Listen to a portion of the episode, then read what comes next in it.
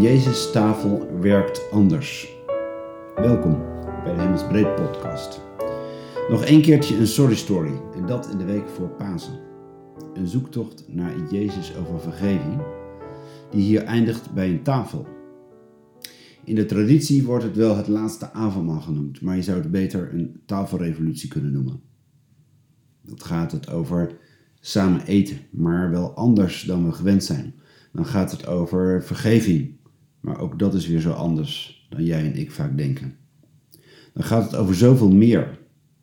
En de Jezus-tafels, die vanaf dat moment ontstaan zijn, rommeliger en ongrijpbaarder dan het ritueel dat velen kennen als Eucharistie of avondmaal.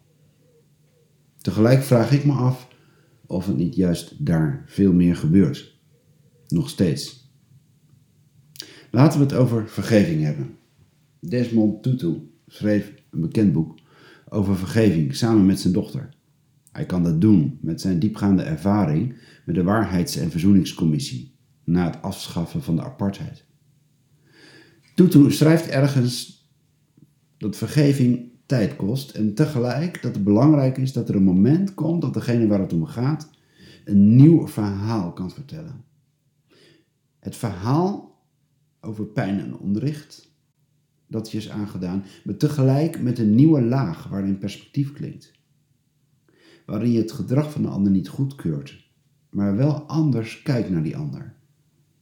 En naar een nieuw samen verder gaan. Hoe dat er ook uitziet.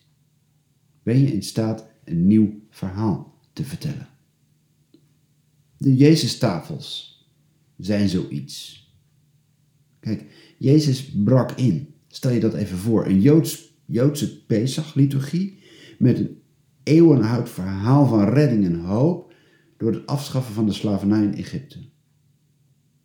En midden in dat oude verhaal breekt Jezus in en zet hij een totaal nieuw verhaal neer. Hij pakt brood en even later wijn en zegt: Voortaan is dit brood mij, mijn lichaam. En die wijn, dat ben ik, mijn bloed. Een nieuw verhaal dat gaat over de dagen die volgen Goede Vrijdag en Pasen. Over dood, kruis en opstanding. En daarmee over iets groters. Over een nieuwe wereld die zichtbaar wordt, waarin de dood overwonnen is. Een nieuw verhaal.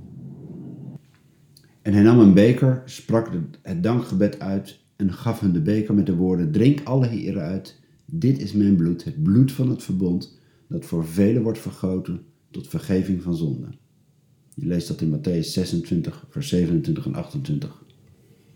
Je kunt je afvragen wat wij daar zo'n 2000 jaar later nog mee kunnen.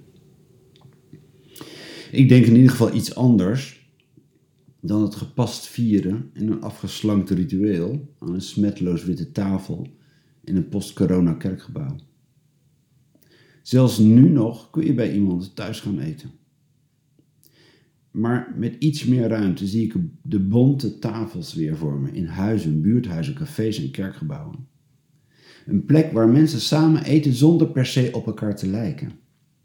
Kleuren en achtergronden. Twijfelaars en diepgelovigen. Mannen en vrouwen, trans en homo en zoveel meer. De nieuweling die komt proeven. De gastvrouw waar je je bij thuis voelt. Ineens vallen die verschillen als stukjes in de mozaïek. En het wordt lastig om ruzies in stand te houden als je de ander net vraagt om je de nasi aan te geven. Hier komt het weer goed. Een simpel sociologisch idee? Misschien. Maar het is meer. Het is ook dat er een zin klinkt namens Jezus: Voortaan ben jij mij. Eet en drink mij. Het is zoveel als jij wordt een stukje mij. En dat is zo rete spannend. Zo totaal alles veranderend, volgens mij. Het laat proeven dat het Jezusverhaal over zoveel meer gaat dan vergeving als iets tussen mij en God. Vergeving gaat hier over een nieuwe groep mensen, over een nieuwe samenleving. Een plek waar recht gevierd wordt, over, over het leven dat weer goed is. In een wereld met oceanen met plastic soep, een klimaatprobleem, een pandemie, vluchtelingen die vergeefs aan onze deuren bonzen. In die wereld zet God volgens mij Jezus tafels neer. voor de verandering. Het begint met een andere samenleving aan die tafel. Andere mensen, andere gedachten. Mensen die in hun kracht gaan leven door dat brood en die wijn, door steeds weer iets van Jezus over te nemen. Weer in je kracht gaan leven, maar niet in je eigen kracht. In je kracht gaan leven, maar niet achter je voordeur in angst. Maar midden op straat, in je buurt, met mensen die je tegenkomt. In je kracht gaan leven, maar niet met plastic maakbaarheid of gladde ego's. Maar vanuit het brood dat je breekt. En dus de gebrokenheid die aan tafel te proeven is. Hier klinken de echte, onopgesmukte verhalen. Maar hier klinkt ook een andere stem die sterker is dan alle andere geluiden. Eet mij, drink mij en doe dat samen met wie dit mee wil vieren. Doe het overal en doe het steeds weer. Eet en drink en wees samen de verandering waar je in gelooft. Ik ga die stem zoeken de komende week. Op kruispunten hier in de Belmar. Ik daag je uit op jouw plek te gaan zoeken. En ik hoop je nog eens te zien, samen aan tafel. Ik wens je een goede paasweek. En zoek intussen eens naar zo'n Jezustafel. Voor de verandering.